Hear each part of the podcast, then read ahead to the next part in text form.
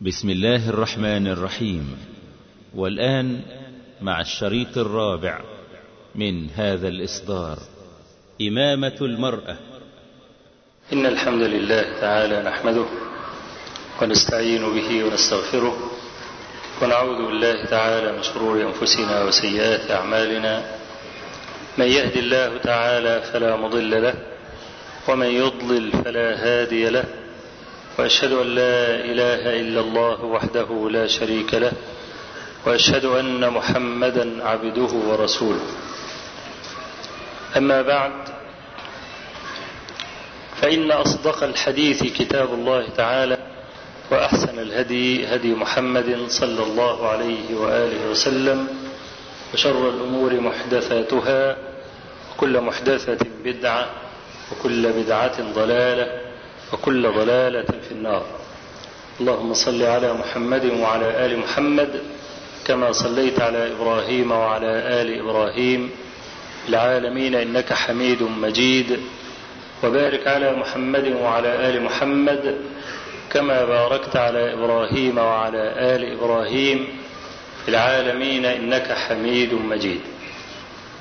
لقد ذكرت في الجمعة الماضية وأنا أسرد بعض الأصول التي ينبغي أن نراعيها عندما نتكلم عن هذه المسألة وغيرها.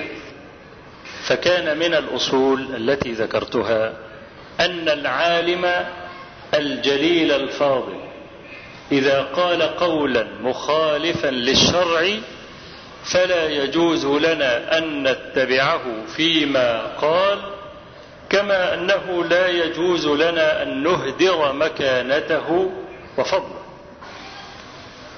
لما راجعت كلام أهل العلم في مسألة إمامة المرأة ذكر المستشار الثقافي لوزارة الأوقاف آه أنه لا بأس أن تؤم المرأة الرجل لأن ابن جرير الطبري وأبا ثور قال بذلك. فرد واحد منصبه إمام أهل السنة والجماعة وقال الطبري ده مفسر مش فقيه. وقد أبرزت شيئا من جلالة الإمام الطبري في الجمعة الماضية. وأنا لا أستطيع أن أوفي هذا الإمام الجليل حقه من التقدير والتبجيل. فمن يقرأ له يعلم قدره حقا وأنه كان فقيها مجتهدا مطلقا. زي الشافعي وزي أحمد مالك وأبو حنيفة وإسحاق بن راهويه وزي الأوزاعي وزي الثوري. وزي داود بن علي. الأئمة اللي لهم مذاهب فقهية ولكن تساقطت هذه المذاهب على مر الدهور ولم يبق إلا المذاهب الأربعة لاهتمام أصحابهم أصحاب الأئمة دول وتلاميذهم بأقوالهم. ده اللي خلى المذاهب دي تعيش. لكن الإسلام غير منحصر في هذه المذاهب الثلاثة أبدا. وأبو ثور إبراهيم بن خالد كان إماما فقيها محدثا ثبتا مع الدين والورع والزهد. هذان الإمامان تكلما مثلما يتكلم أهل الفقه. وده الكلام اللي أنا عايز أبينه للجهلة الأغمار الذين لا يفهمون. هذه تفريعات فقهية طبيعية. يعني ابن المنذر مثلا لما ذكر إمامة المرأة للرجل نقل اتفاق الفقهاء على بطلانها ولم ينقل الجواز إلا على قول أبي ثور لأن أبي ثور عنده معدود من الفقهاء. يمكن الطبري لا. ولأن الطبري قريب عهد كمان بابن المنذر. فقال وهذا قول أبي ثور وقياس قول المزني. المزني صاحب الشافعي وصاحب المختصر الشهير المعروف. المزني بيقول إيه بقى؟ مسألة. وإذا صلى خلف جنوب أو كافر أو امرأة ولا يدري مضت صلاته.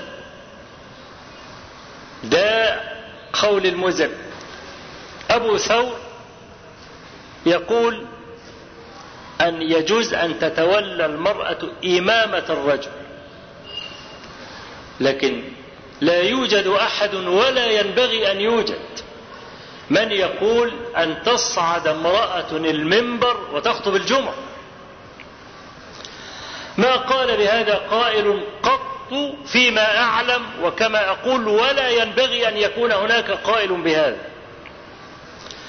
أما قول أبي ثور فمحجوج بالأدلة الواضحة. الصريحة يقول لك إيه؟ من الأدلة على أن المرأة أم حديث أم ورقة بنت نوفل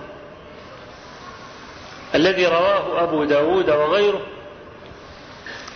أنها استأذنت رسول الله صلى الله عليه وسلم أن تؤم أهل بيته. فأذن لها. وكانت أم ورقة تلقب بالشهيدة. لأنها قالت يا رسول الله إذن لي في الغزو لعل الله أن يرزقني شهادة. فبشرها أنها ستنال الشهادة. بس في بيتها فلما جم بقى عبد وامرأة وبتاع وكتفوها وغموها وقتلوها وعمر بن الخطاب صلبهم كما في الرواية وكانوا أول اثنين يصلبوا في المدينة كلها. قال الراوي وكانت تسمى الشهيدة وهي حية. علشان إيه؟ علشان ما ورد النبي صلى الله عليه وسلم بشر بالشهادة يعني.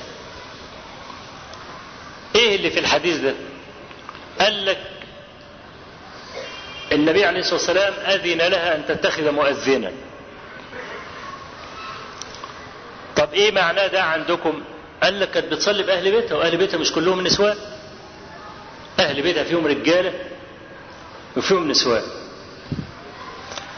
يبقى طالما ما فيش استفصال ما قالهاش تأمين النساء ها؟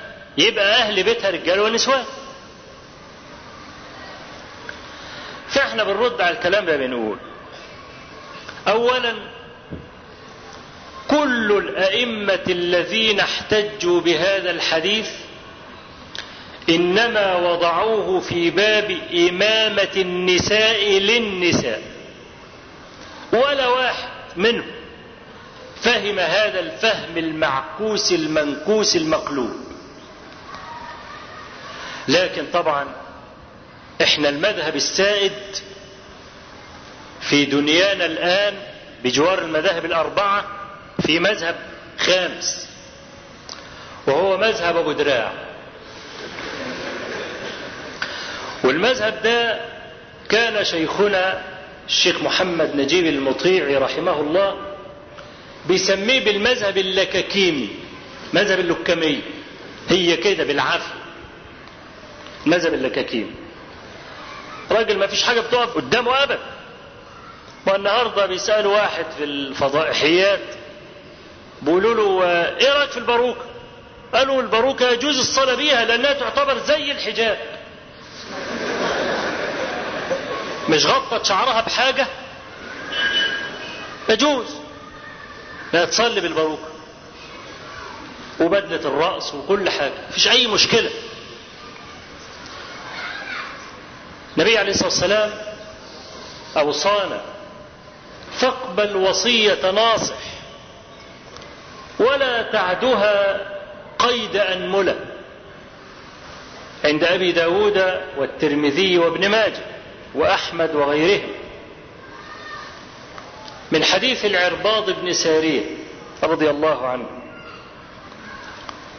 وهو من الذين نزل فيهم قوله تعالى ولا على الذين إذا ما أتوك لتحملهم قلت لا أجد ما أحملكم عليه تولوا وأعينهم تفيض من الدمع حزنا ألا يجدوا ما ينفقون. ده العرباض كان واحد من دول. قال سمعت رسول الله صلى الله عليه وسلم قال أوصانا وعظنا موعظة بليغة ذرفت منها العيون ووجلت منها القلوب. وقلنا يا رسول الله كأنها موعظة مودع. فأوصنا قال أوصيكم بالسمع والطاعة وإن عبدا حبشيا. وبعدين قال فإنه من يعش بعدي. فسيرى اختلافا كثيرا. فعليكم بسنتي وسنة الخلفاء الراشدين المهديين من بعدي عضوا عليها بالنواجذ. وإياكم ومحدثات الأمور فإن كل محدثة بدعة. سيرى اختلافا كثيرا. إيه العاصم عشان أعرف؟ طريق صح؟ عليكم بسنتي. وسنة الخلفاء الراشدين المهديين من بعد سواء مجتمعين أو منفردين. فلو أفتى أبو بكر وحده بفتوى فهي من سنة الخلفاء المتبعة. فإن أفتى عمر أو عثمان أو علي رضي الله عن الجميع كل واحد منهم على انفراد متبوع. فإذا اجتمعوا كان آكد لاتباعهم. يبقى إحنا بنرجع بقى للسنة. في وسط هذا الزخم ومع المذهب الجديد اللي إحنا بنعاني منه الآن. كل الأئمة وضعوا حديث أم ورقة بنت نوفل تحت إمامة النساء للنساء. فيش واحد أبدا منهم وحاشا لله أن يحتج محتج منهم. وهم من أهل البصر وأهل النظر وأهل الديانة إنه ممكن يحط الحديث ده تحت إمامة النساء للرجال. ده الكلام ده على فرض ثبوت الحديث لكن الحديث ضعيف. خلاص. يبقى لا يصح لا من جهة النقد ولا من جهة الاستدلال.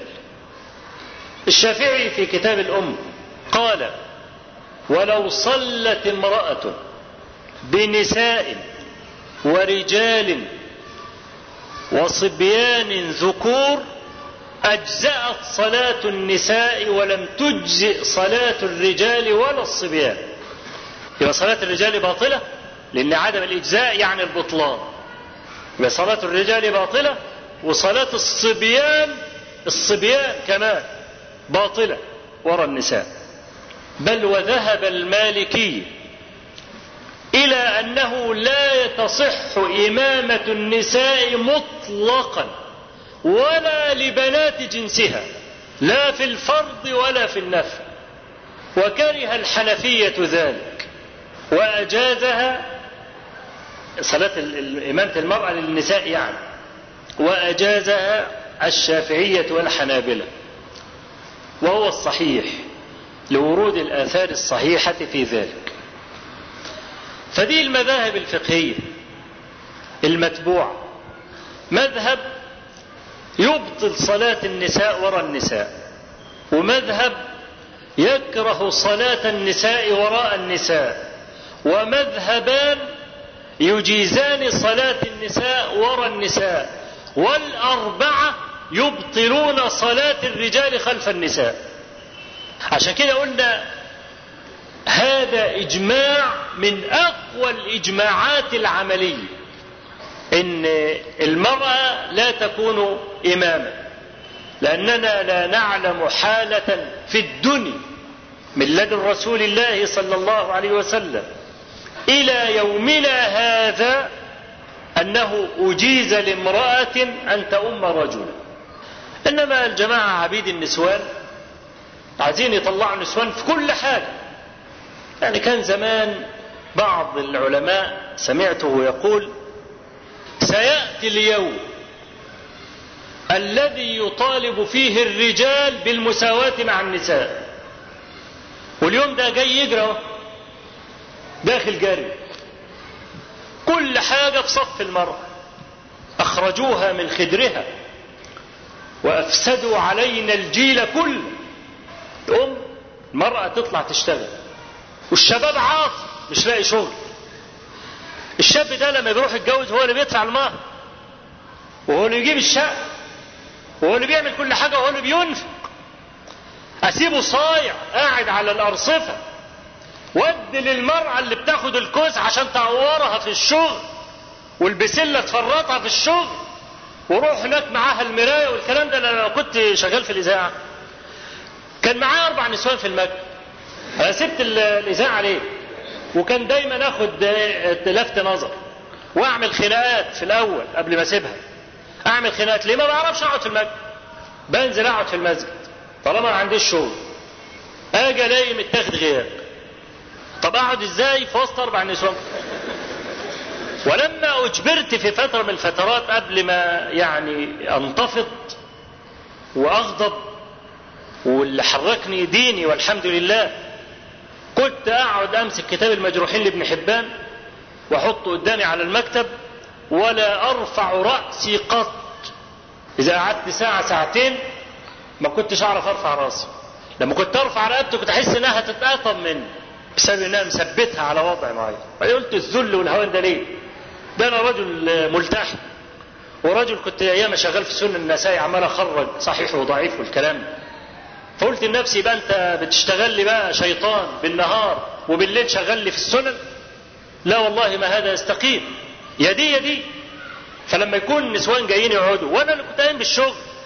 أنا كنت بترجم الخطابات وكنت اللي بعمل البتاع والكلام ده. وهم قاعدين ما وراهمش الشغل دول يقعدوا كل واحدة تاخد لها 600 700 جنيه والكلام ده. والشباب قاعد على الرصيف. والله ما هذا بالنصر شباب ضايع. عشان كده هم اللي بيكونوا عصابات ويعملوا الكلام ده ويسرقوا الحدوتة دي. خلل ما بعده خلل يقول لك عشان المرأة تاخد حقها تاخد حقها من مين؟ ده المرأة. اللي عمالين يقول لك إزاي المرأة تاخد نصف الميراث والرجل ياخد الميراث كاملة؟ إزاي تبقى نص. ده الإسلام أكرمه وكرمه. الرجل بياخد الميراث عليه نفقة. للمرأة والأولاد. المرأة بتاخد نص الميراث بتحطه في جيبها. مين أكتر من مين؟ مين اللي معاه فلوس؟ هي المرأة. إنما الراجل ما معهوش. لأن اللي بياخده عليه نفقة واجبة. إنما المرأة لها ذمتها الخاصة. حطه في جيبها ما فيش حد يقول لها أنت بتعملي إيه. تطلع المرأة الشغل أول مفسدة إنها ضيعت الشباب دول وهم قعدتهم على الرصيف. تاني مفسدة الاختلاط مفيش شغل في البلد. في مصالح حكومية مش لاقيين كراسي عشان يقعدوا عليها. البطالة اللي كنا بنسميها مقنعة لا ده هي بطالة ظاهرة. تيجي فتاوى كتيرة من المصالح الحكومية ما عندناش شغل. قاعدين نتشمس وإحنا ورانا مصالح. والمدير بيقول لنا روحوا فما فيش شغل. والتقرير اللي نشرته الأهرام التقرير الدولي وهو بيتكلم عن البطالة في العالم مصر كل 15 بني آدم بيشتغل بني آدم واحد. و14 عواطلين. ده الجزء الخاص بمصر. يبقى بطالة مقنعة؟ فهيقعدوا يعملوا إيه النسوان؟ يقعدوا يصرصروا ويتكلموا طب بتتكلم مع زميلها. تتكلم مع زميلها في إيه؟ إلا حديث بتتطرق بقى وجوزي اتغير وكان معايا كويس لا والله وأنا كمان مراتي اتغيرت. ها؟ وبرضه كانت بتعاملني كويس معرفش إيه اللي حصل اليومين دول وأنا مهموم وحزين مهموم وحزين ليه؟ قد جعل الله لك مخرجا. ها؟ نبتدي ندخل يمين في شمال يمين في شمال خلاص الست تتعلق بالراجل والراجل يتعلق بالست وتبتدي بقى إيه اللي ما يقدرش ما تقدرش تتطلق عندها عيال في الجامعة وعندها الكلام ده هو ما تقدرش تتطلق لأن في حاجة اسمها الواجهة الاجتماعية وحاجة اسمها العار والأسرة مش هتقبل الطلاق والكلام ده يبقى يمشوا مع بعض من ورا الايه؟ من ورا الجدار. ادي اللي بيحصل. وأنا عارف إن المسجد ده مليان موظفين. وعارفين اللي بيحصل في مصالح حكومية وإحنا كمان عارفين اللي بيحصل. دي مفسدة. وبعدين هتودي ابنها فين؟ ابنها الصغير. تقوم تاخده توديه حضانة من الحضانات. جراج ما اسمهاش حضانة اسمه جراج الواد يجرش فيه لحد ما تطلع من الشغل. تاخد خلاص؟ هناك الجراج ده الجدع السايس بتاع الجراج لا عنده رحم ولا عنده قلب لأنه موظف. ها؟ ومش هيفضل يدادي في العيال. ويفضل بقى يصبر عليه ولاد يتنطط يقعد يطبطب عليه وبس يا حبيبي. لا. برضه فيش عندها قلب ولا رحمة ولا الكلام ده. كل حاجة تلعب العيال بأي لعبة والكلام ده. يطلع الولد كبير. يطلع من الحضانة على المدرسة. أهم فترة في حياة الولد اللي بتخليه يبقى عنده رحمة وبر وعطف بالآباء هي لحد ما الولد يصل عشر سنوات. يطلع الولد الذي انفك من أمه غليظ الرقبة غليظ القلب ما عندوش رحمة بيحبش أمه ولا أبوه. ليه؟ فقد هذا الدفء والحنان. طب المرأة لما بتطلع وتعمل النفقات دي كلها بتدخل إيه للبيت؟ وأنا عايز أقول برضو ما يقولك في الحصيلة بنساعد في البيت. والحياة وأعباء الحياة والكلام النهارده المرأة اللي بقالها عشرين سنة موظفة. تاخد كام؟ 300 400 جنيه. ما هو أكتر ما هو الجنيه واقع. ما هو ورق. ها؟ 300 500 جنيه. وأنا ما أظنش 500 جنيه حد يطلع فوقها بقى. ها؟ آه. 500 جنيه. المرأة بقى علشان تلبس وتدفع أجر حضانة. وممكن تكون داخلة في إقساط غسالة ثلاجة بوتاجاز. وطبعا النساء الذهب والحرير واللبس والبتاع والكلام لو المرأة دي حبت بعد ما تضغط نفقتها تماما بتوفر كام تقريبا؟ 200 جنيه؟ ما أظنش ابدا. يعني هي لو يعني شد الحزام على الآخر لحد ما روحها هتطلع مش هتقدر توفر أكثر من 200 جنيه. 200 250 يعني في 365 يوم 2000 ونص يا للهوان ويا للمهزلة. واحدة تطلع 365 يوم. معلش أنا هسقط الجمعات. ها؟ 300 يوم تطلع تشتغل أمة في زي حرة. المدير يأمرها ما تقولش لا. ولازم ترسم الابتسامة على وشها وحاضر يا فندم وتطاط راسها ولما يبعت لها تيجي تجري. وتقوم داخلة البيت برمى شنباتها لجوزها مين اللي فرعنها وخلاها كده؟ تطاطل مديرها وتبرم شنباتها لجوزها مش ده انقلاب موازين؟ رجل أجنبي لا يحل لها أن تخاطبه إلا لضرورة. قاعدة تشتغل تحت إمرته وممكن تكون سكرتيرة له. ولابسة بقى محزق والكلام ده و... ولا تفيدة شكلك مش حلو. نظفي يا تفيدة وانت جاي. ها؟ حط بقى الكلام ده. في ناس أضياف بيجون. ولازم يشوفوك ده أنت واجهة المكتب وتقوم المرأة بتبذل جهد في التزين والكلام ده هو وتروح البيت خلصانة فطسانة. تدخل المطبخ تقعد تطبخ وتعمل وتخلي يجي جوزها يلاقي عرق مرق. ده يطلع إيه بقى؟ فسدت البيوت.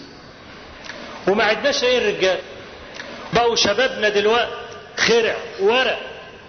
إيه السبب؟ أبوه كان كده. وابوه علمه كده. ولسه عمال يعلمه برضه كده. ولا عشان يلتزم بأي حاجة حتى بلحية ولا ولا أي حاجة ولا بنت تلبس نقاب ولا بتاع. النهارده الحرب الضروس قائمة على قدم وساق بنات في كليات الطب يجوا يقولوا لي مادة التشريح والاختبار العملي دكاترة بيجبرونا على إننا نكشف عورات الرجال. يا مش هيديني الدرجة. وتقعد تفعص في الراجل المريض بإيديها. ويا وصفيه للمرض العرقي ده طالع منين وهيطاق إمتى. وإذا ما عملتش كده تسقط لما تجيني تاخد فتوى لا يمكن أقول لها يجوز ابدا. ما أعرفش أقول لها كده. أنا كمان محكوم عندي نصوص. عندي نصوص. ربنا عز وجل ما فرضش عليها تبقى طبيبة. إنما فرض عليها أن تكون أمة لله. فرض العبودية على الكل. ده الوظيفة اللازمة اللي ما فيش حد يعرف يتفك منها. ولو اتفك منها يدخل النار. أي وظيفة تانية ممكن تتفك منها. ما يجيش واحد يقول لي أنا ما عنديش والله إلا ان أشتغل في بنك ربوي أو إن أنا أشتغل بقى قواد ولا بتاع. مش لا لومة العيش والكلام. لا يجوز. أن تعمل أي عمل فيه حرم إلا إذا وصلت إلى معنى الضرورة الملجئة يا تاكل يا تموت بس. في الحالة اللي زي دي تباح بقى المحرمات. إنما غير كده لا. فدي كلها خسائر بالجملة يعني مرة كنت في مسجد العزيز في القاهرة وبعدين وصلتني رسالة من امرأة. بتقول ان أنا بنتي في كلية الصيدلة وفجأة تركت الكلية وقالت مش هروح لأن في واحد اسمه أبو إسحاق الحويني سمعت له فتوى بيقول فيها إنه لا يجوز الاختلاط. فأنا مش رايح. أبو إسحاق ده مين يا بنتي؟ ده راجل شيخ. أراضيه فين؟ قال لا بيخطب في المسجد الفلاني. فجاءت بقى دخل في مسجد النساء وقعدت تعيط ومستقبل بنتي وضاع مستقبلها والشيخ ده ضيع بنتي والكلام ده. فلما مسكت الورق قدمت لها بمقدمة. قلت لهم يا جماعة الدين ده مش بتاعي. وأنا أسير كما أنكم أسرى. والنص يعمني ويعمكم. ويلزمني ويلزمكم كل ما فيها أنني مبلغ. أنت سميع وأنا متكلم.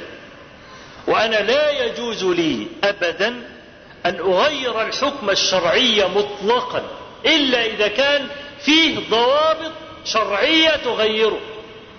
مش من صلاحيات. إن أنا أبدل الحكم الشرعي. وبعد وفاة النبي صلى الله عليه وسلم انتهى زمن النسخ. ما عادش حاجة اسمها حكم منسوخ. وفي نفس الوقت أنا لا أستطيع أن أرضي الناس جميعا. فدي حاجة من اتنين. يا إما أقعد في بيتي وأقفل بقي وخلاص وينتهي مني الكلام يا إما إذا تكلمت أتكلم بالحق. وعياذا بالله أن أكون كأبي حسل أبو حسل ده اللي هو الضب. الضب ده ما يزعلش حد أبدا. كل واحد يجي يرضيه. فقد حكوا أن أرنبا كان بيدها ثمرة فاكهة. فخطفها الديك فأكلها. فالأرنب مسكته وقالت له لا أنت كده ظلمتني وكلت مني الثمرة لازم نتحاكم. قال لها على كيفك؟ أعلى مفخلك اركبيه عايزة تتحكم لمين يعني؟ قالت له لأبي حسل وده كانت بداية الانهيار. يعني مثلا واحد يريد أن يكتب الأخبار يروح لأبو لمعة. ها؟ زي ابن معين بيقول كتبنا عن الكذابين وأخرجنا به خبزا نضيجا. حطيناه في الفرن وسوينا العيش عليه وكلناه. كلنا الخبز بالورق اللي كتبنا فيه أحاديث الكذابين. فمن سوء الاختيار وانه وقع على أم راسه إن هو أول فتح باب يكون رايح على الهوية. وده اللي حصل. أرنب وأنتوا عارفين الأرنب يضرب به المثل في الحمق. أحمق من أرنب. فلما اخترت قاضي القضاء بتاعها ده القاضي ده الضب عرفنا إن القضية ضايعة. خدت الديك وقفت على الجحر يا أبا حس. فقال سميعا دعوتما. هيتفزلك بقى. ها؟ ما صدق إنه بقى قاضي. يشتهي نعمة. واللي زي ده تخاف منه. اللي بيشتهي أي حاجة ده ما بيصدق توصل له ده تخاف منه. قال سميعا دعوتما. قال قالت إني اختصمت أنا وهذا في قضية. فجئناك لتحكم بيننا. قال في بيته يؤتى الحكم. قالت الأرنب كان بيدي ثمرة فاكهة. قال حلوة فكليه. قالت فخطفها مني هذا فأكلها. قال ما يبغي إلا الخير. قالت فلطمت. قال بحقك أخذت. قالت فلطمني. قال حر انتصر. فاقض بيننا. قال قد قضيت.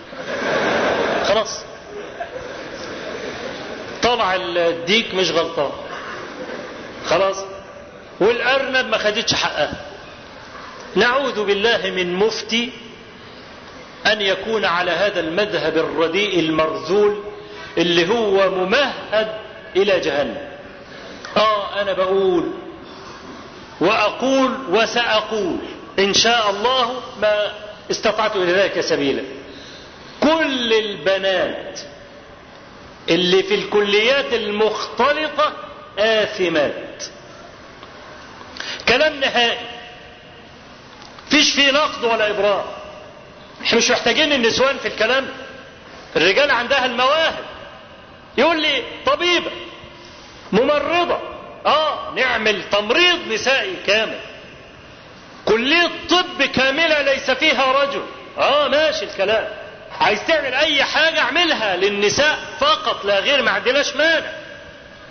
وإنك أنت تمهد السبل وتعمل المواصلات الخاصة اللي تحمل النساء فقط مثلا. وتأمن المسألة بشرط ما يكونش المسافة مسافة قصر لابد فيها من محرم. آه إذا كانت الدولة تعمل التدابير دهيت مفيش مشاكل. لكن المسألة كلها تايهة ببعضها يبقى لا. هذا هو حكم الشرع قبله من قبله ورده من رد. كل واحد متعلق بعرقوبه وما فيش حد هينفع حد. والله العظيم. وأنا قلما أحلف بقول لكل من تولى ولاية على مسلم أنه لن ينفعك أحد. بص لنفسك فقط. وانظر إلى نجاتك ويوم موتك. هذه ليلة صبحها يوم القيامة. يا لها من ليلة ما أطولها على الميت. فلما يقعد يعذب عشان كان بيصون قوانين الآخرين. وبدعوى إن أنا بنفذ القانون وبإن أنا بعمل لا والله لن ينفعك ذلك. قل ما شئت واعتذر بما شئت. لكنها هتصل في النهايه ربك وهيحاسبك يعني أنا كل ما أقعد أحيانا يا الأسبوع اللي فات ده كله عماله ترن في ودني كده ودماغي حكاية قرأتها عن الممثل الذي مات من شهر ده والدنيا قامت وما قعدتش.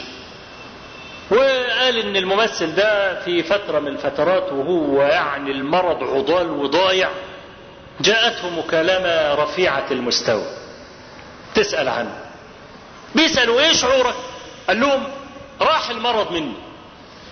لهذا التقدير والتبجيل والإكرام واليوم اللي اتفسح فيه في حديقة المستشفى كان يوم المكالمة روحه المعنوية ارتفعت ولم يشعر بمرضه والذي كلمه عبد لا يملك لنفسه موتا ولا حياة ولا نشورا. سيب الصورة دي بس استحضرها وشوف الصورة الجاية دي. قال صلى الله عليه وسلم إذا دخل أهل الجنة الجنة تجلى لهم رب العالمين. فقال يا أهل الجنة هل رضيتم؟ قالوا يا ربنا وكيف لا نرضى؟ وقد جنبتنا السعير وفعلت كذا وكذا. قال فما أعطوا شيئا أفضل من النظر إلى وجه الله. الموقف ده ما يخليكش تصبر على لأواء الدنيا وتصبر على الحق. إن هيجي يوم من الأيام يتجلى لك ربك ويقول لك أنت راضي. دي مكالمة من عبد نططته لفوق. ونسي مرض. إنما دي بقى رب العالمين هو اللي بيتكلم بقى. بقول له رضيت خلقتك وسويتك وسددتك ووفقتك للهدى في الوقت الذي أضللت فيه الملايين وعصمتك وجعلتك في كل معاركك مع الشياطين مظفرا منتصرا. ومننت عليك بأن قبضتك على الإسلام. ولما حاسبتك حاسبتك حسابا يسيرا. وكان مثواك في النهاية الجنة. رضيت أنا والله يا أخوانا لا أخفيكم أنا كل ما كنت أفتكر المسألة دي كنت أبكي. ده الموقف ده لوحده يخليك بقى لو الدنيا كلها اتزرعت نار قدامك. إنك أنت تصبر ولا تحول قدميك عن الحق. من يعش بعدي فسيرى اختلافا كثيرا فعليكم بسنتي وسنة الخلفاء الراشدين المهديين من بعد عضوا عليها بالنواجذ. وانت عارف الواحد ساعات لما ايديه ما تبقاش لايحاه بيمسك باسنانه يقول لك ماسك فيها بإيده واسنانه حط الأسنان مع الإيد. لأن الإيد ممكن العزم يختل. لكن قوة الأسنان زي كم طن بينزل على بعض.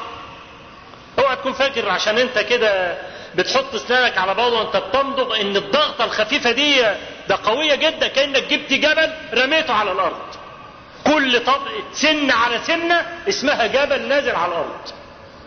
وانت طبعا أكيد هتستحضر كده مرة وانت بتاكل لسانك نزل تحت سنتك. تعمل إيه؟ ها؟ تبقى هتتجن ودي إيه؟ تكه كده أهو. بس. لكن العلماء لما قدروا قوة الفك وهو بينزل على الفك الثاني جبل نازل على الأرض. عشان كده بايديه واسنانه لأن الأسنان فيها قوة أقوى من أي حاجة في الجسم. فإحنا بقى نرجع بقى لكلامنا الأولاني ونقول إن خسائرنا بالجملة إن المرأة تطلع. في هذا الزمان آه يوفروا لنا بالضوابط الشرعية حبا وكرامة وإحنا نفسنا في المسألة دي وننادي بها. ما يوفروش بضوابط شرعية بكل امرئ حجيج نفسه. بتبقى دكتورة وفاشلة في حياتها الزوجية. عملت إيه بالدكتورة؟ وحتى اللي هم يعني عندهم دين وبتاع بعد ما بياخدوا الدكتورة دي بيقعدوا في المطبخ. عملت إيه بيها؟ استفادت في تشريح البصل وال والثوم والكلام ده. ست سنين ماشية في طريق الذنب من الاختلاط والتبعيث في أجسام المرضى والدخول في المشرحة وإهدار كرامة الموتى والكلام ده. وأنا بتكلم عن الطب على أساس كل الناس تقول لك الطب ما لا غنى عن الطب لا غنى عن وجود امرأة مسلم. ففضلا عن بعيد بقى إيه؟ التجارة والآداب والفلفسة والكلام اللي ملوش أي قيمة ومعنى. خلي الست لسانها طول كده التعليم بيعلها إيه؟ تقعد تناقر في جوزها وتقعد تقول له لا يجوز ومش عارف إيه والكلام ده وأنا السلاح اللي أبويا كان يدونا أعمل بيه إيه؟ سلاح. هتحارب مين بيه؟ ها؟ وأنا بتعلم التعليم ده كله عشان أقعد في البيت زي فتكات وجمالات مستكترة قوي إن تعليمها كله يروح عايزة تواصل بقى مسيرة المعاصي حتى تلقى الله عز وجل. خروج المرأة ضياع. عشان كده زي ما قلت لكم شبابنا ورق. ليه أبهاتهم وأمهاتهم كده؟ علموهم الجبن ولقمة العيش مقدمة على كل حال. اسعى يا عبد وأنا اسعى معاك. ما عرفوش من الدين إلا كده. بس. وقل اعملوا. اعملوا اللي هو الشغل يعني. مش وقل اعملوا زي صلوا مثلا.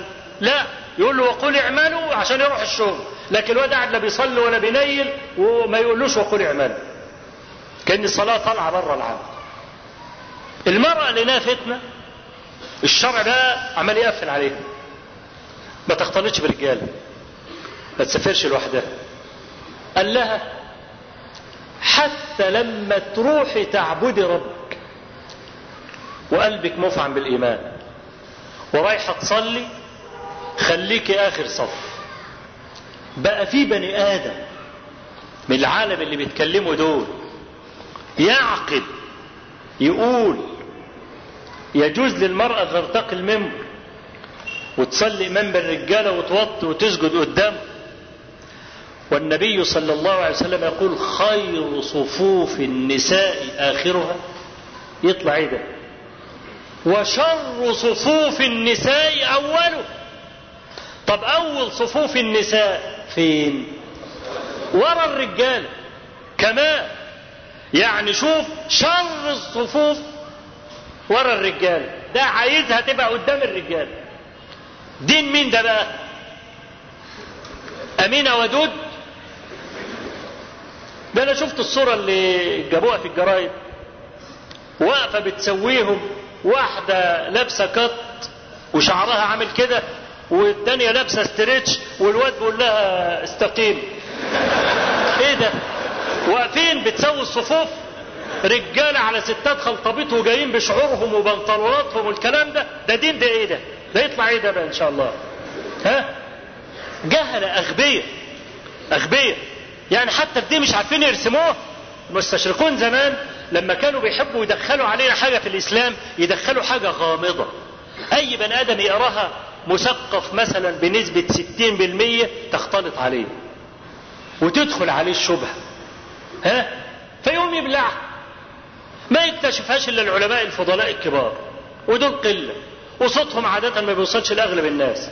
إنما أغلب المثقفين ينطلي عليهم الكلام. ده جاي زي البهيمة. يجيب لي واحدة وكل واقف جنب بعضه خلطبيطة قالوا بيقدم لي الإسلام. طب اعدلها شوية. اعدلها يعني خلي يعني رجالة والستات ورا الرجالة ولا أي حاجة أو أي حاجة يعني لكن يقدم لي كده في مجتمع. ورث أن المرأة لا تؤم فضلا عن أن تخطب الجمعة. يجيبهم لي كده خلطبيطة ويقول لي ده الإسلام. فأغبياء والحمد لله رب العالمين إنهم يعني بيقدموها بالصورات وإحنا بنتكلم الكلام ده ليه؟ رعاية للحق الشرعي علينا في البيان. ولأن إحنا شايفين الرمال الناعمة بتتحرك من تحت أرجل المسلمين. اللي كان هنا هيبقى بكرة هنا. ما عادش فيه ثوابت النهاردة في الدنيا. عايزين يحركوا ثوابت المسلمين. وقد حركوا منها أشياء. يعني مثلا يوم الاثنين الجاي يوم شم النسيم. هل يجوز لمسلم أن يكثر سواد المشركين؟ أنا لا أعلم عالما يقول بذلك. وقد حرم جميع العلماء مشاركة المشركين في أعيادهم وأثموا فاعلة. مين اللي بيطلع الحدائق؟ يوم شم النسيم. من الذي يملأ الطرقات؟ أليس هؤلاء الغافلون؟ اللي هو حق من الله عليهم. أن يضرب عليهم الذل والعار لأنه ما يستاهلوش غير كده إن الله لا يغير ما بقوم حتى يغيروا ما بأنفسهم أنا بقول أهو كل العلماء يحرمون وأطلع يوم شم النسيم أعمل جولة عشان أبص ألاقي منتقبات ماشيين في الشوارع مسكين عيالهم ورايحين الحدائق يطلع إيه ده؟ أين أزواجهم؟ إزاي المرأة تبقى منتقبة وتطلع تشم هوا في اليوم؟ مش قادر أفهم الموضوع ده. يحرم على أي بائع ده برضه عند العلماء كلهم أن يبيع في هذا اليوم أي مطعوم يقوم به هذا العيد. فلا يجوز بيع البيض ولا بيع الرنجة ولا بيع الفسيخ ومن فعل ذلك فهو آثم وكسبه حرام. أنا عايز أطلع بقى يوم شم النسيب أتفرج بقى على اللي بيحصل. وناس بيحضروا معانا في الجامع هنا. ويسمع العلماء بيحرموا ويطلع برضه يشم. شم إيه ده؟ مش فاهم. متى خرج العوام من أيدي علمائهم؟ ضاعوا. هو أنتوا لكم مين من غيرهم؟ هم اللي بينصحوكم واقفين حياتهم عشانكم. يقول لك الجنة من هنا والنار من هنا وما تعملش دي واعمل ديت. ويدلك مجانا على الله. لا يسألك أجرا. هي بدهية كانت موجودة عند السلف. أرض عمالين نناطح فيها اهو كتير من الثوابت عايزين يهزوه. إحنا بقى لازم نقف ونبصر المسلمين ومن حقنا. صدق من حقنا إحنا من حق الشرع ونحن ناطقون به على المسلمين ألا يخالفوه. لأن دي طاعة لله ورسوله ونحن مبلغون عن الله ورسوله وبنقول الكلام. بنقول القرآن وبنقول سنة. فلما يجي واحد يقول لي تقوم والنبي صلى الله عليه وسلم يقول شر صفوف النساء. أولها وأولها ده ورا الرجالة. طب ليه خير صفوف النساء آخرها؟ قال لك لأن المرأة المفروض إنها تبقى بره البيت أقل وقت ممكن. فلو هي عايزة تيجي تحضر تبقى في الصف الأول. لازم هتطلع بدري. تمام؟ وانت عارف بقى النساء وعلى ما يطلعوا ياخدوا لهم ساعة ولا ساعتين الواد بتلبسه والمش عارف بتعمله. وانتوا كلكم طبعا عندكم نسوان وعارف لما تحب تنزل مشوار بتقول للست قبلها بساعتين. أنا نازل دلوقتي أهو. خمس دقايق وتكوني تحت. تجي لك بعد قد إيه؟ بعد ساعة. فعلى بال ما المرأة عشان خاطر تطلع وتلحق الصف الأولاني تقضي وقت طويل. الجامع زحمة. عبال بقى ما تطلع لأنها في الأول خالص. عبال بقى ما تطلع وتوصل للباب وتبص لديت وتبوس ديت وتطبطب على ديت وفتك في الكلام والبتاع والكلام ده مش مروحة غير قرب العصر. لكن المرأة اللي في آخر صف ديت خرجت آخر واحدة وطلعت أول واحدة. يبقى مدة بقائها خارج البيت أقصر ما يمكن. الشرع حريص على كده. بل قال له وصلاة المرأة في بيتها خير من صلاتها في مسجدها. أنت مش واخد بالك من مسجدها دي تعني إيه؟ المسجد اللي جنبها على طول عشان ما تمشيش. لو في مسجد جنب بيتها ومسجد أبعد من بيتها 100 متر تصلي في اللي جنب بيتها على طول. عشان كده لم يقل وصلاتها في بيتها خير من صلاتها في المسجد. لا في مسجدها. إلا أن يكون المسجد اللي هتروح له بدون ما تركب مسافة سفر متميز في موعظة في بتاع في الكلام ده هترجع برصيد إيماني ده موضوع تاني. يرخص لها. وصلاتها في بيتها خير صلاتها في مسجدها. وصلاتها في حجرتها خير من صلاتها في بيتها. طب إيه البيت والحجرة؟ قال لك البيت زي الصالون كده. الصالة بتاع البيت. والحجرة غرفة النوم بتاعتها. أيهما أستر وآمن وأكن؟ طبعا الحجرة. فكل ما تصلي جوه طب البيت ده أنا قافل الشباك وقافل الباب. ومش مخلي بني آدم يبص عليا وأصلي في الصالة. إيه المشكلة؟ قال لك مفيش مشكلة. بس لو دخلت الأوضة أحسن لك في الثواب. يبقى في بيتها وآمنة ولا تدخلي كمان في الأوضة؟ والأوضة الضلمة بقى وفلي عليك ولا؟ شوفي أكن حتة في الأوضة كمان وصلي فيها. يبقى الشرع اللي بيقول للمرأة كده يجيز لها إنها تطلع قدام الرجالة وتصلي؟ لا والله لا يقول بهذا. قائل قط يعلم الأدلة الشرعية اللي إحنا بنقول عليها دي. الكلام الحقيقة في إمامة المرأة أو في تحصين الإسلام للمرأة باعتبارها زينة. والزينة دي لازم تداريها حتى لا يفتتن بها الشق الآخر من البشرية ألا وهو الرجال. فيما يتعلق بطاعة ربها عمال يداريها ويدخلها في الجحر وهي بتطيع ربها أفيسمح لها إنها تطلع تتبذل وتلبس بنطلونات والكلام ده وتقعد في وسط رجال حتى تكون منتقبة وتقعد في وسط رجاله كمان؟ وتبقى شغاله في وسط رجاله لا كل هذا ضد مقاصد الشريعة وختاما أذكر أن الإسلام مع حرصه الشديد على ذلك أباح للمرأة أن تقضي حاجتها في خارج البيت الحاجات المباحة اللي هي بره موضوع العبادة. وفي ذلك حديث عائشة رضي الله عنها عند البخاري. قال خرجت سودة رضي الله عنها لتقضي حاجتها. كانت امرأة بدينة جسيمة لا يكاد يراها أحد إلا عرفها. وطبعا أنتم عارفين عادة العرب كانوا يتأذون باتخاذ الكنف في البيوت. دورات المية دي كانتش في البيوت عند العرب كانوا بيقرفوا منها. إنما اللي كان عايز يقضي حاجته كان يطلع بره في الصحراء. تمام؟ فسودة خرجت على عادتها عمر بن الخطاب شافها. عرفها من إيه جسامتها؟ وطولها. قال يا سودة انظري كيف تخرجين فوالله ما تخفين علينا. من غيرة عمر بن الخطاب لأن عمر الخطاب قال وافقت ربي في ثلاث منها آية الحجاب. قال يا رسول الله إنه يدخل عليك البر والفاجر فلو حجبت نساءك فنزل الإيه؟ نزلت الآية. فكان عمر بن الخطاب غيور. طب الست الطويلة البدينة الجسيمة ديت هتعمل إيه؟ في طولها وجسمتها وبدنتها تعمل إيه؟ كونك عارفها وهي متغطية كلها هتعمل إيه أكتر من كده؟ هتلبس طاقية لخفه مثلا يعني شوف من غيرة عمر إنه حتى لو طاقة تداري جسمها بأي حاجة إن شاء الله تعمل صندوق خشب دولاب وحد يزوق. عشان ما نعرفش مين اللي جوه الدولاب مين اللي ماشي. لو طال يوصل الأمر لكده كان بقى يتعمل. من شدة الغيرة الغيرة زي ما قلنا الجمعة اللي فاتت دي حرارة القلب كله في الغيرة فلما سودة رضي الله عنها سمعت ذلك رجعت للنبي صلى الله عليه وسلم غاضبة وكان في بيت عائشة. قالت عائشة وإنه لا يتعرق عرقا.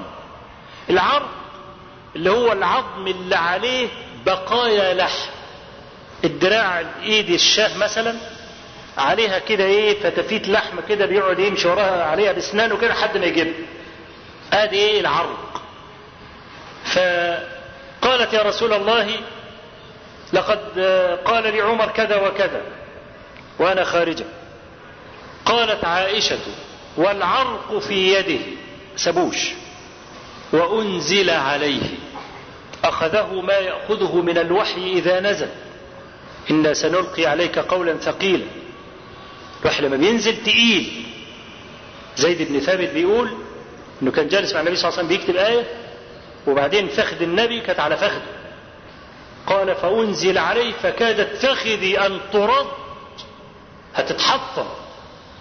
من ثقل فخذ النبي صلى الله عليه وسلم على فخذي لما نزل عليه الوحي. وكان يعرق في اليوم الشاتي شديد البرد. حذروا منه مثل الجمان من العرق فأخذه ما يأخذه من البرحاء والعرق ثم سري عنه. فقال قد أذن لكن في قضاء حوائجكن. ده قرآن؟ سنة. يبقى السنة بتوحى إلى النبي زي القرآن ولا لا؟ أه ده دليله تاخدوا كده علشان إنا إحنا نزلنا الذكر وإنا له لحافظون. الذكر القرآن بس؟ كذاب. الذكر قرآن وسنة. كان يوحى إليه بالسنة كما يوحى إليه بالقرآن.